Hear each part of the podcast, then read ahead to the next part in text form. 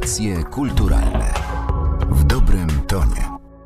Przy mikrofonie Martyna Matwiejuk to jest kolejny odcinek kontroli jakości w audycjach kulturalnych. Wybrałam dla Państwa trzy polskie albumy, na które warto, myślę, zwrócić uwagę.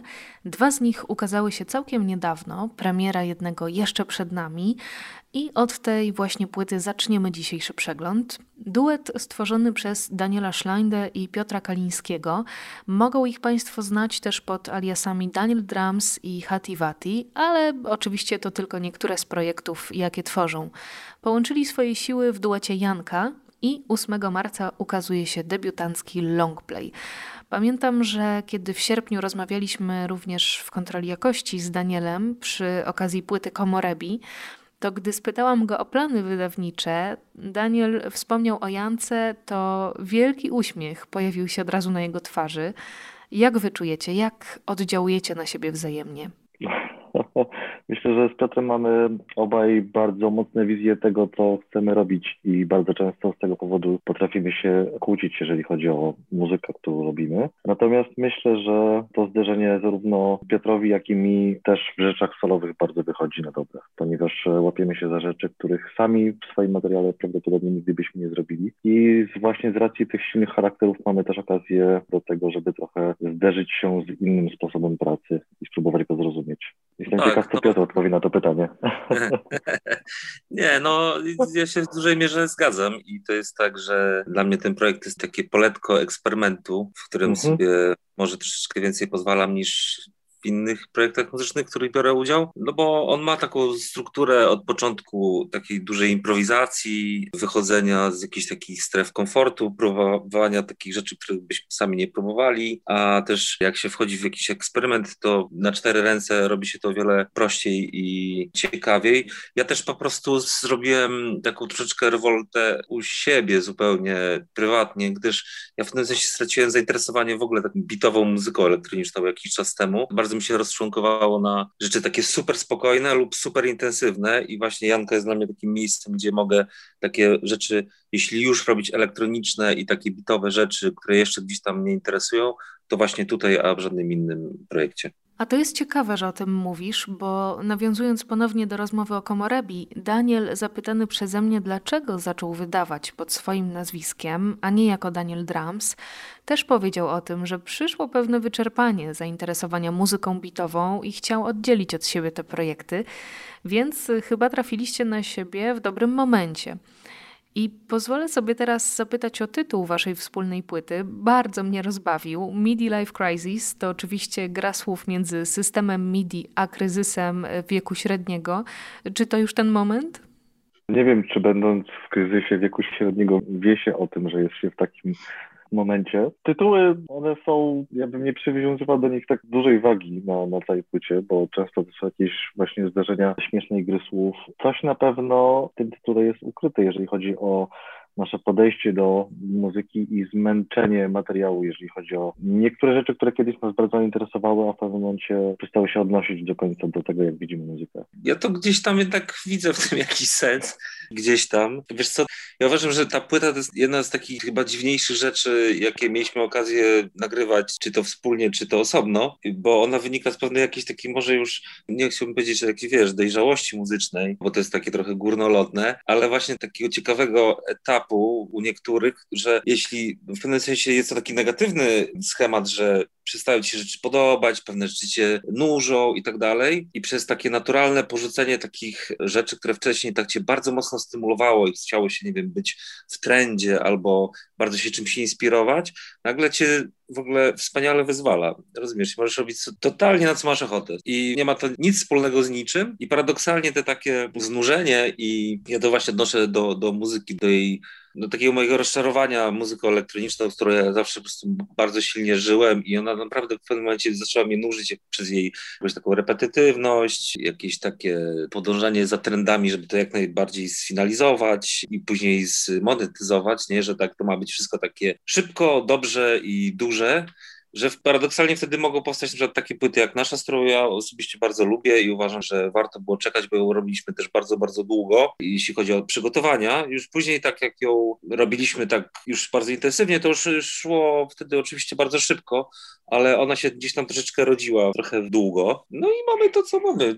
Więc ja jestem trochę tego zdania, że ten tytuł gdzieś tam odzwierciedla troszeczkę całe takie zjawisko, które jest połączone z takim trochę kryzysem, rozczarowaniem, trochę odejściem od podążeniem za trendami i tak dalej. No mi się trochę przypominają nasze pierwsze rozmowy a propos Janki, gdzie spotkaliśmy się po prostu spróbować nagrać jakiś numer wspólnie i pierwsze próby, które zrobiliśmy brzmiały bardzo jak rzeczy, których jesteśmy osadzeni i bardzo szybko się zorientowaliśmy, że to jest w ogóle jakieś takie strasznie wymęczone i w ogóle nie ma sensu i dopiero wtedy przeprowadziliśmy pamiętam dwie długie nocne rozmowy, w których zaczęliśmy dyskutować na temat właśnie beznadziejności wielu rzeczy, e, w których po części bierzemy udział. To był taki punkt zapalny w ogóle do tego, żeby z tego jakiegoś kolaboracyjnego nagrania jednak zrobić cały projekt Bianka. To sprawdźmy, dokąd Was ten eksperyment zaprowadził. Próba jakiegoś szczegółowego ujęcia gatunkowego tej płyty chyba niespecjalnie ma sens. Napisaliście o jej brzmieniu, że jest to modern vintage. Co się pod tym kryje? To był taki problem, że trzeba było napisać dosyć szybko jakąś notkę prasową i ja tak usiadłem przed tym i tak się złapałem za głowę, że no dobra, ale co to w ogóle jest za muzyka, bo tam są tak różne odniesienia i są utwory bardzo energetyczne, są jakieś pasaże półambientowe. Oscylujemy tworząc jednocześnie muzykę taką zupełnie jakby nową, nie pociągając za sznureczki jakichkolwiek aktualnych konotacji i trendów muzycznych, a jednocześnie tam samplując, czy używając sprzętów po prostu stosunkowo starych, a wręcz nawet bardzo starych. To jak wiesz, jak robienie z y, nowego dania z resztek, albo z, wiesz, wyciągasz jakieś w ogóle z, z zamrażarki bardzo stare, jakieś dziwne rzeczy zamrożone i chcesz zrobić z tego obiad i nagle ci to po prostu super smakuje. Nie chcieliśmy wejść w taką pułapkę, żeby robić takie retro, tutaj lata 90. i tutaj tniemy sample z jungli i tak dalej, bo to jest teraz trochę modne, a jedno jednocześnie gdzieś tam jednak się do tego odnieść, bo szczerze mówiąc, ja po prostu dużo takiej muzyki słucham. To jest właśnie pewnie kryzys wieku średniego, że mam taki trochę dziaderski już etap, że no, że kiedyś to było lepsze. I szczerze mówiąc mi się po prostu, wiesz, bardziej podobają rzeczy sprzed 20 lat w elektronice, jak mówi taki znany, świetny fanpage na Facebooku, niż aktualnie i wiesz, ja miałem taki etap ostatnio, że była 15-lecie tej słynnej audycji Marion Hobbs, BBC Radio One, w których tam cała ta jeszcze nastoletnia dubstepowa ekipa siedziała w studio w Londynie i jakby świat dowiedział się o tym super pierwszym, pierwszym, pierwszym dubstepie, który jeszcze był super undergroundowy. I ja przyznam, że mnie ten, ten dubstep to zupełnie zmęczył już tam 10 lat temu, ale przesłuchałem sobie tą audycję i ona mnie powaliła świeżością. Tak dawno czegoś nie słyszałem tak nowoczesnego jak audycja sprzed 15 lat. Może jestem stary już. No. Ja zgadzam się z, z, wieloma rzeczami, które powiedział Piotr. Myślę, że jedynym wspólnym mianownikiem dla płyty był temat delayów i dubu, natomiast zdecydowanie nie jest to płyta dubowa. Bardzo mi się podobało to porównanie z zrobieniem nowego obiadu z resztek. W pewnym sensie jest adekwatne porównanie. Tak, mnie urzekło to wyciąganie dziwnych rzeczy z zamrażarki. Powiedziałeś, że to nie jest dubowa płyta. No, troszkę chyba jednak jest. Wiesz co, no bo ja jestem z takiej szkoły, znaczy, bo dla mnie w ogóle dub to zawsze był punkt wyjścia, mam wrażenie, w muzyce w ogóle jako twórcy i przez lata słuchania jakichś tam mądrych ludzi i słuchania ich muzyki doszedłem do wniosku, że jakby dub to nie jest gatunek muzyczny, to jest sposób realizacji muzyki, podejścia do niego, nagrywania go troszeczkę właśnie w inny sposób, nadawania mu dużej przestrzeni i ta płyta, którą nagraliśmy w dużej mierze taka jest po prostu. To jest właśnie taki zawsze malutki problem, bo jednocześnie dub to jest i sposób realizacji muzyki i filozofii i gatunek muzyczny. I to jest takie trochę tricky, nie? Bo ktoś może sobie pomyśleć, że to jakaś płyta, w której, nie wiem, zaraz będzie czarnoskóry wokalista, nie? A to w ogóle nie, nie, zupełnie nie o to chodzi. A to sójka. Dla mnie na przykład dubowym artystą jest, nie wiem, The Bug na przykład, który nagrywa jakieś ciężary na przysterach z Gruper, nie? Z Liz Harris. I to jest super dubowe nagrania, które jakby ktoś to usłyszał na Jamajce, to by się za głowę złapał, no. Co jest wobec tego dla was ważne? w tym sposobie realizacji dźwięku, jakim jest Myślę, że pewnego rodzaju spontaniczność, takie wywlekanie na wierzch pewnych niedoskonałości może. Praca w, chociaż tutaj tytuł może tego nie sugerować, ale właśnie praca w opozycji do MIDI, czyli e, nagrywanie rzeczy na żywo, wycinanie ich, a nie jakieś bardzo dokładne układanie przez wiele tygodni. Z czym myślę, że przy poprzednich jakichś produkcjach, ja, jak i Piotr, mieliśmy często problem, że się zakopywaliśmy w jakichś detalach, a ta płyta, o ile pierwsza nasza epka to była płyta, która miała za zadanie trochę wypchnąć nas z koncertami, tak nagrywanie tej płyty to było zbieranie wielu doświadczeń z koncertów i, i nagrywanie materiału takiego od strony koncertowej. My bardzo często w zasadzie dżemowaliśmy w, w studio i, i te dżemy przeradzały się w jakieś nagrania, czyli zupełnie inaczej niż w przypadku pierwszej epki. Fala roku.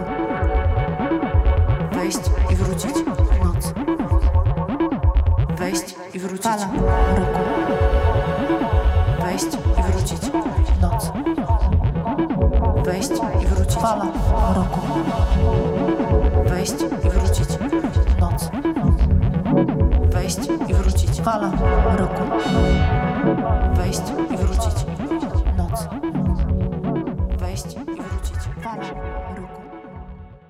Chciałabym jeszcze Was zapytać o głosy kobiece, które pojawiają się na tej płycie. Jest y, Sójka, znana m.in. z zespołu Król. Jest też Kacha Kowalczyk, tworząca przede wszystkim w duecie Calls. W moim odczuciu wspaniałe głosy, bardzo ciekawe artystki i chyba też y, takie charakterystyczne osobowości. E, jak Wam się z nimi współpracowało? Co, no ja już wcześniej współpracowałem z Kachą parę razy, bo byłem gościem na płycie Coles. Na ich debiucie tam nagraliśmy razem dwa utwory, już nawet parę razy tam zagraliśmy jakieś koncerty nawet wspólnie. No i dla mnie to jest w ogóle jakaś totalna indywiduum i osobowość, a jednocześnie bardzo ciekawa osoba muzycznie. I te rzeczy, które Kacha z Coles robiła na samym początku, takie powiedzmy gitarowo 4AD, takie trochę smutne, Cocteau Twins i przez te jakieś elektroniczne elektroniczne dziwactwa, po już w ogóle jakieś teraz quasi-rapowe kolaboracje, no to jest zawsze mega ciekawe, bardzo oryginalne, niepodobne zupełnie innego. Patrząc na to też, że przecież Cole zaczynały jak oni byli naprawdę dosyć młodzi. Zresztą ja ich pamiętam z jakichś w ogóle pierwszych koncertów w ogóle 100 lat temu, to się zresztą poznaliśmy, jak oni w ogóle jeszcze nie byli sławni. I tak mnie ujęli, że stwierdziłem, że to jest w ogóle najlepszy zespół, jaki widziałem w ogóle od lat, od lat, od lat. I tak moim trochę marzeniem zwrotnym było to, żeby na jakimś z moich nagrań, w których biorę udział, pojawiła się Kacha, która zresztą się okazała, że jest wielką miłośniczką takich powiedzmy dubowych, dub techno historii. Kacha wysłała numer, nie robiliśmy żadnych poprawek, zresztą identycznie jak z Iwoną, którą tam się po prostu znam personalnie. Ja uwielbiam to, co robi z Królem, co robi zespół Kobieta z Wydm. Uważam, że Iwona jest takim super istotnym elementem tych projektów. Ja jestem strasznie zadowolony z tego nagrania Wejść i Wrócić. To po prostu, to tak może teraz sobie schlebimy, ale ja nie słyszałem takiego nagrania w Polsce jeszcze. Ja pamiętam, że dziewczynom w ogóle nie rzucaliśmy żadnego tematu, jeżeli chodzi o... A, no właśnie. Że to były po prostu podejrzane numery, do których wiedzieliśmy, że chcemy je usłyszeć i dostaliśmy zwrotnie takie ślady, że w zasadzie nie mieliśmy żadnych pytań. Pamiętam, że w momencie, kiedy przyszły ślady od Sujki, to ja już dokładnie wiedziałem, że to jest po prostu centralnie to, co potrzebowaliśmy, to, co miało być w tym numerze. My nic nie sugerowaliśmy, jeśli chodzi, bo to jest zawsze taki problem, jak zapraszasz gości wokalnych, no i ktoś może jakby technicznie coś fajnego wykonać, no ale może przynieść, to tam gdzieś mi się kiedyś wiele lat temu zdarzało, może przynieść tekst, który tak zupełnie odstaje jakby emocjonalno-estetycznie od całej koncepcji, a tutaj dziewczyny nagrały bardzo takie eteryczne, a jednocześnie konkretne te teksty i oba są w ogóle super minimalistyczne. To też jest ważne. I one w ogóle o sobie nie wiedziały, że będą, chyba na tym etapie, jak nagrywały, że będą gośćmi na tej płycie. Już tym bardziej nie słyszały tych utworów. Więc jestem super zadowolony i nie wyobrażam sobie lepszych featuringów. Jest idealnie po prostu. To, co Piotr powiedział o tych miłostkach Kachy Kowalczyk do Dabu, też przypomniało mi o zeszłorocznym albumie duetu Sarmacja, też takim dubowym, na którym ona również się pojawia. A wracając do Midi Life Crisis, zdaje się, że ta płyta ukaże się na ciekawym winylu. W jaki sposób będziecie dystrybuować ten album? To jest pierwsza w ogóle płyta. Komorebi chyba też już nie wyszło na kompakcie. Moja to jest pierwsza płyta, w której biorę udział, która nie wychodzi na kompakcie i było to dla mnie dosyć szokujące. Patrzeć jak ten nośnik na naszych oczach umiera po prostu. Szczególnie, że ja zbieram kompaktne winyle też, ale kompaktów mam bardzo dużo i to jest takie trochę dla mnie dziwne. Natomiast płyta wychodzi w dwóch wersjach kolorystycznych, takim splaterze biało-czarnym, który nawiązuje do no, bardzo dopracowanej poligrafii, którą zrobiła Zosia Paśnik jako zresztą swój dyplom na uczelni na katowickim ASP. Ten winyl wygląda jak przedłużenie poligrafii, ale w, w kolorze winyla, no i wychodzi też wersja czarna. I te winyle, tak jak poprzednie rzeczy, będą miały dystrybucję właśnie ogólnoświatową i jest to fajne, bo już widzieliśmy na przykład płyty Janki w, w Japonii kiedyś. Więc to rzeczywiście gdzieś tam trafia i ma to może nie jakieś giga zasięgi, bo to po prostu tyle muzyki wychodzi, ale będzie ją sobie można zamówić i znaleźć w sklepie naprawdę w wielu miejscach na tej planecie. 8 marca płyta ukazuje się w wytwórni You Know Me. Kilka słów o niej powiedział duet Janka, czyli Daniel Szlajda i Piotr Kaliński. A my teraz zerkniemy na debiutancki album Muzyka, który bynajmniej nie debiutuje na scenie. Perkusista Jacek Prościński, wydający solowo jako Hu Hu. Jak to jest po tylu latach grania w różnych projektach, z różnymi muzykami, stworzyć swój własny materiał? Jest to dla mnie jak najbardziej egzotyczna sytuacja. Nie przywykłem do zwracania na siebie atencji. Raczej ukrywałem się za pozostałymi członkami zespołu ale z biegiem czasu te zespoły zaczęły się kurczyć. O ile kilka lat temu grywałem w większych zespołach, tak na przestrzeni ostatnich lat właśnie zaczęło się to trochę kurczyć. Zacząłem grać z Maciejem Stętkiem, Wojcieszkiewiczem w duecie Lasy, z Olem Walickim w ramach Lovecz. Także tak to naturalnie jakoś nie poprowadziło do podjęcia próby solowego albumu, ale wciąż jest to absolutnie dla mnie nowa sytuacja, jednocześnie jakaś naturalna konsekwencja tego, co się wydarzało na przestrzeni ostatniego czasu. Ja słuchając po raz pierwszy Twojej płyty pomyślałam, czy Ty naprawdę stworzyłeś ją organicznie na perkusji i czy naprawdę grałeś to sam na żywo? To jest tak, że ja używam generalnie bardzo wielu sampli i to w zależności od utworu, w zależności od intencji i nastroju utworu dobieram sobie dane sample. One czasami są inspirowane instrumentem jakby wiodącym moim, czyli perkusją, ale często są to dźwięki, które nie są zarezerwowane dla tego instrumentu, czyli dźwięki harmoniczne. I tak naprawdę perkusja służy mi do wydobywania tych dźwięków bardziej niż ich tworzenia. Można tutaj już wchodzić w geekowski temat techniczny, ale myślę, że nikt tego nie przeżył, więc oszczędzę Tobie i odbiorcom rozbieranie naczynki pierwsze, jak to wygląda.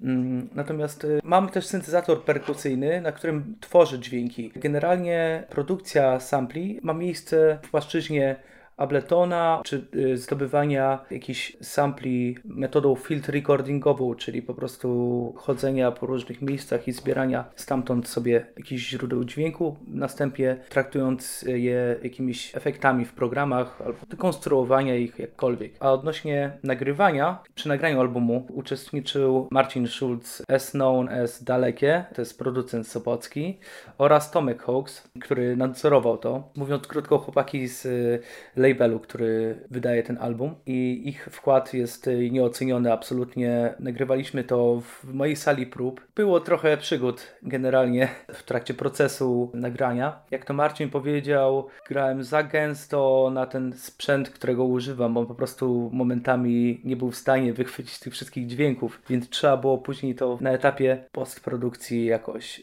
naprawić, ale ogólnie rzecz biorąc bardzo miło wspominam sam proces nagrywania. No i fakt, że to było na salce bez patrzenia na zegarek. No nie dziwi mnie to, co powiedziałeś o tych drobnych problemach i graniu za gęsto, bo rzeczywiście ta płyta jest bardzo zintensyfikowana, wielowarstwowa. Myślę, że też spora część tych dźwięków nie kojarzy się z brzmieniem organicznym. Istotą jest to, w jaki sposób podchodzisz do instrumentu. Zaszła jakaś taka pewna zmiana Twojego w ogóle sposobu tworzenia. Nawet ująłeś to tak, że nauczyłeś się grać na perkusji na nowo. Od czego rozpoczął się ten proces? Zaczęło się to stosunkowo dawno, jakoś tak, nie wiem, 5 lat temu. Zaaplikowałem sobie po prostu swojego zestawu takiego klasycznego, akustycznego sampler, który mi umożliwiał granie jednocześnie jakichś dźwięków właśnie elektronicznych. Wtedy zacząłem się interesować triggerowaniem, czyli pokrywaniem dźwięku akustycznego z pokrytym samplem. Triggery to są takie przystawki, które się przymocowuje do ranta bębnów i one po prostu są podłączone do samplera albo do jakiegokolwiek innego instrumentu, który ma wejście na triggery i po prostu uderzając w bęben można wydobywać sobie dany dźwięk. Mm, no i tak to się właśnie zaczęło, że właśnie najpierw był sampler, używałem go w różnych konfiguracjach na różnych koncertach, zacząłem się coraz bardziej swobodnie czuć w tej materii. No i coraz więcej tej elektroniki, coraz więcej, aż w końcu okazało się, że mam tyle tego sprzętu i jakoś już się troszeczkę pewniej poczułem, że w swoim salkowym zaciszu zacząłem sobie samemu jakieś takie szkice układać i one morfowały właśnie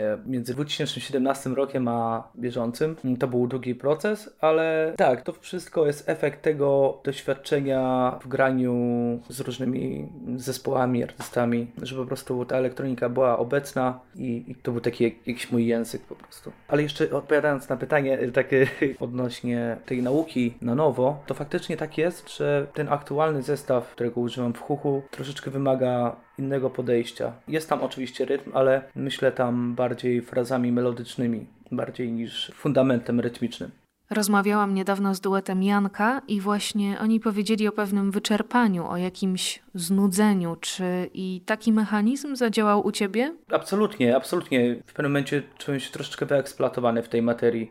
Też e, szczerze mówiąc, taki mały off-topic w okresie, kiedy zacząłem aplikować właśnie jakieś tam elektronizmy do zestawu akustycznego, bardziej byłem zainspirowany producentami niż samymi muzykami. Produkcje elektroniczne, czy w ogóle generalnie podejście producentów wydawało mi się bardziej atrakcyjne niż po prostu skupianie się na samym instrumencie. Producenci myślą całościowo i predyspozycje, jakie dają komputery, dają im możliwość tworzenia takich bitów, które są, albo rzeczy, struktur, które są często dla człowieka nieosiągalne, nawet w sferze wyobrażeń.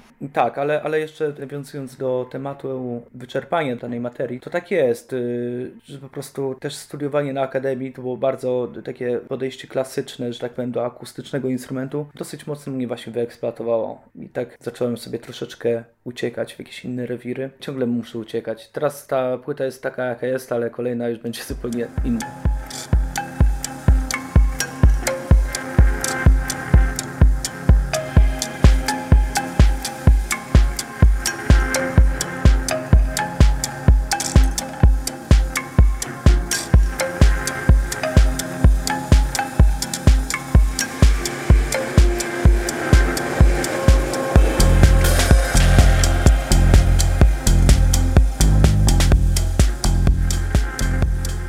Na zakończenie zapytam o te Twoje miejsca elementarne. Film, który stworzyłeś z Konradem Kulczyńskim, obrazujący proces twórczy, Twoją pracę nad materiałem. Jak rozumiem, czerpiesz energię z dynamiki miasta i statyki, spokoju, natury? No siłą rzeczy mieszkając w Gdańsku y, jesteśmy otoczeni zarówno naturą, jak i mini metropolią i szczerze mówiąc mieszkam w miejscu, z którego z okna widzę las, co jest dla mnie bardzo istotne. Ten las zawsze dla mnie był znaczący, dlatego też uwielbiam Trójmiasto.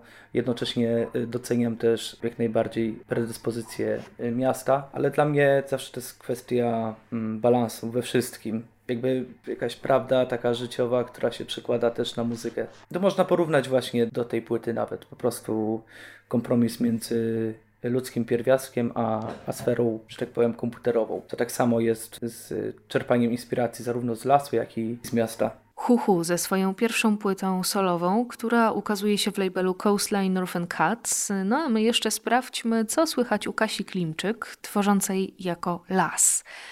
Płyta przepełniona emocjami, płyta o miłości, album Loveholic.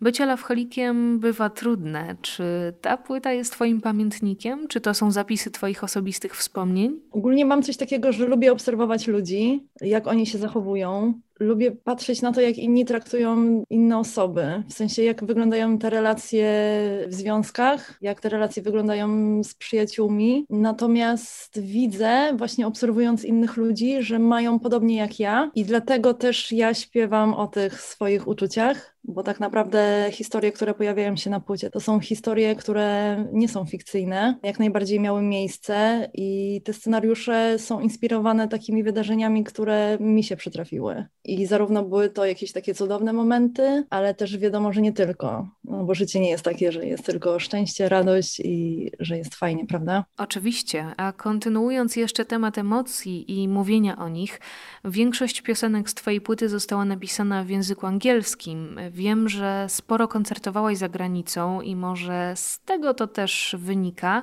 ale chyba jest trochę tak, że przy tych polskich tekstach to odsłonięcie uczuć jest y, znacznie silniejsze. Mm, to znaczy, myślę, że na pewno w jakiś sposób y, nawet śpiewanie po angielsku daje ogromne możliwości do tego, żeby pokazać emocje i się odkrywać. Ale tak jak powiedziałaś, ja w ogóle na początku śpiewałam dużo po angielsku i dużo pisałam po angielsku, bo sporo grałam za granicą i chciałam właśnie, żeby inni ludzie też mnie rozumieli, nie tylko Polacy. I był taki moment, że mnóstwo ludzi mnie namawiało do tego, żebym pisała po polsku, ale miałam w sobie coś takiego, że totalnie nie chciałam zmienić tych swoich zamierzeń. Nie wiem dlaczego, ale nastawiłam się, że chcę pisać po angielsku. Może dlatego, że jak już zaczęłam pisać po angielsku, to lepiej mi się wyrażało swoje uczucia. A za każdym razem, jak miałam podejście do napisania polskiego tekstu, to miałam z tym jakieś takie większe trudności. Natomiast y, teraz po wydaniu tej płyty, kiedy jesteśmy tutaj wszyscy w Polsce, myślę sobie, że wolałabym bardziej śpiewać do Polaków po polsku.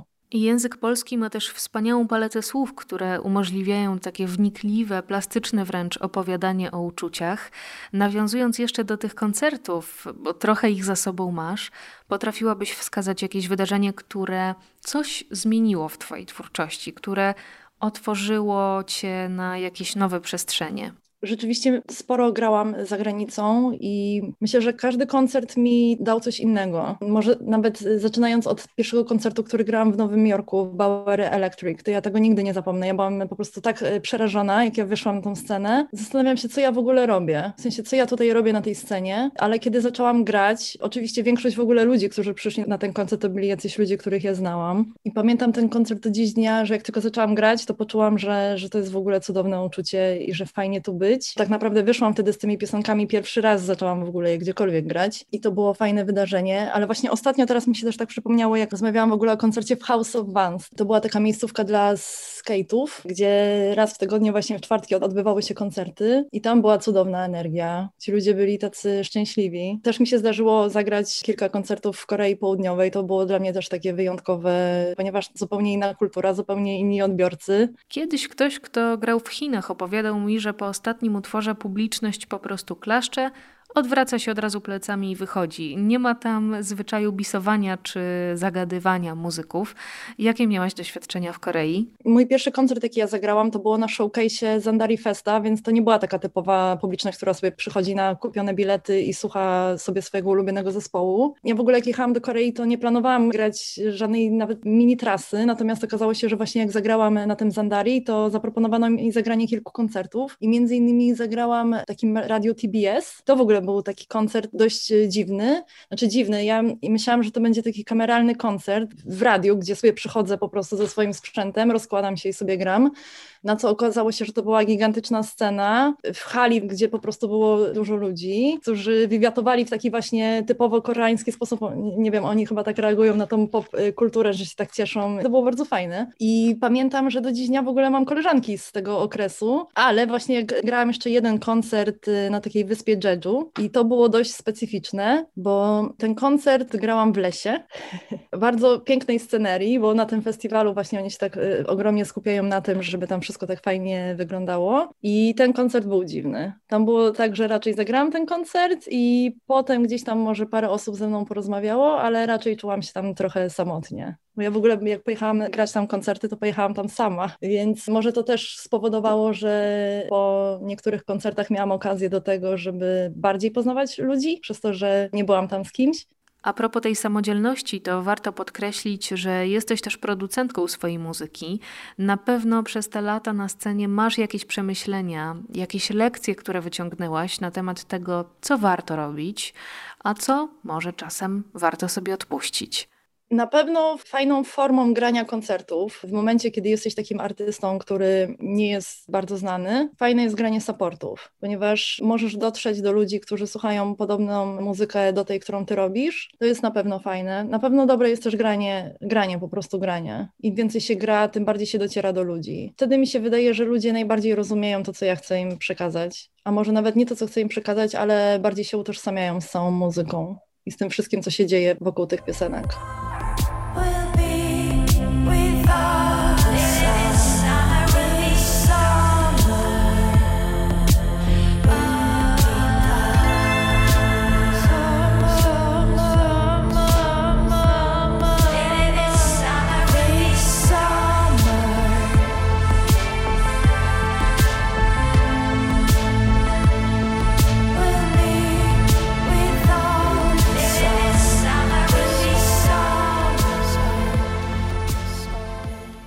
Bardzo ważnym elementem twórczości las są różne formy wizualne. Między innymi wyrażasz się też poprzez taniec. Chyba te przestrzenie tak nierozłącznie się u ciebie przenikają.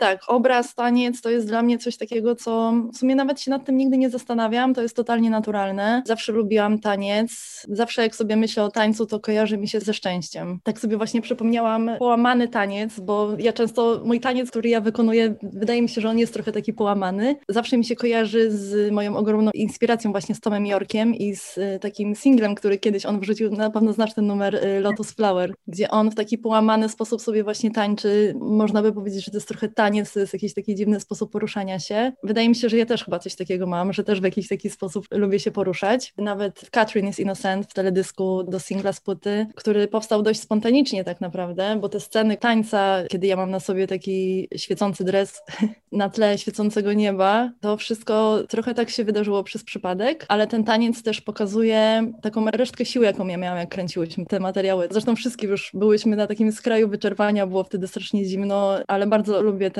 taniec i no, wydaje mi się, że przez taniec można dużo też pokazać. Można też dużo wywalić z siebie. Mhm. A potrafiłabyś określić, co daje ci muzyka po tej drugiej stronie dla słuchaczki? Na pewno mnóstwo piosenek y, towarzyszyło mi w moim życiu, kiedy czułam się gorzej. Ta muzyka mnie supportowała i wspierała mnie. Mnóstwo piosenek dawało mi taką energię do tego, żeby po prostu być szczęśliwą, szaloną i, i cieszyć się chwilą. Teraz akurat jestem na takim etapie, że potrzebuję jakichś nowych inspiracji, więc chętnie przyjmę jakieś fajne tipy odnośnie dobrej muzy, bo do tej pory na mojej playliście, która jest ogromna tak naprawdę, jestem fanką Spotify, ja tam mam po prostu mnóstwo jakichś takich zespołów, których nawet nie jestem w stanie opowiedzieć Ci o ich nazwach, natomiast jest mnóstwo świetnych albumów, mnóstwo świetnej muzyki i też dużo takiej muzyki elektronicznej, dużo takiej muzyki z syntezatorami, ale też dużo smutnej muzyki. Ostatnio zaczęłam wracać do tych swoich playlist i pomyślałam sobie, że muszę totalnie zmienić y, muzykę, którą słucham. Potrzebuję jakichś nowych inspiracji właśnie. Coś takiego, co, co daje energię. Napisałaś o Loveholic jako o płycie o tym, że to jeszcze nie koniec, czyli coś nowego powstaje. Rzeczywiście tak. Nic nie jest skończone, to prawda. Jeśli chodzi o nowy materiał, to miałam taki moment, że ostatnio, że stwierdziłam, że na razie nie chcę robić nowej muzy, ale jakoś tak e, siłą rzeczy zaczęłam współpracować z muzykami, którzy też odezwali się po tym, jak wydałam tą płytę, pomimo, że trochę nie chciałam ich robić, ale zaczynam się inspirować i tak powolutku powstają nowe rzeczy. A widzisz już jakiś kierunek, w którym chcesz podążać? Na pewno staram się pisać po polsku. To to jest takie moje nowe wyzwanie, żeby pisać po polsku. A w którym kierunku? No właśnie, wydaje mi się, że bardziej to będzie radosna muzyka, o ile jestem w stanie w ogóle robić radosną, ale idę w tym kierunku. Hip-hop mnie ostatnio zaczyna inspirować. Trapy, na pewno pograniczę też elektroniki i żywych instrumentów. Mam nadal takie uczucie, że chciałabym, żeby było dużo pianina prawdziwego, fortepianu i elektroniki. No to czekamy. Kasia Klimczyk, czyli Las z płytą Loveholic. Wcześniej w kontroli jakości również duet Janka i Jacek Prościński jako Huhu. Zostawiam Państwa z pracą domową, dla chętnych oczywiście, ale myślę, że warto sprawdzić te płyty, o których rozmawiałam dziś z twórcami. Wszelkich wskazówek proszę szukać w opisie podcastu i do usłyszenia za miesiąc. Audycje kulturalne w dobrym tonie.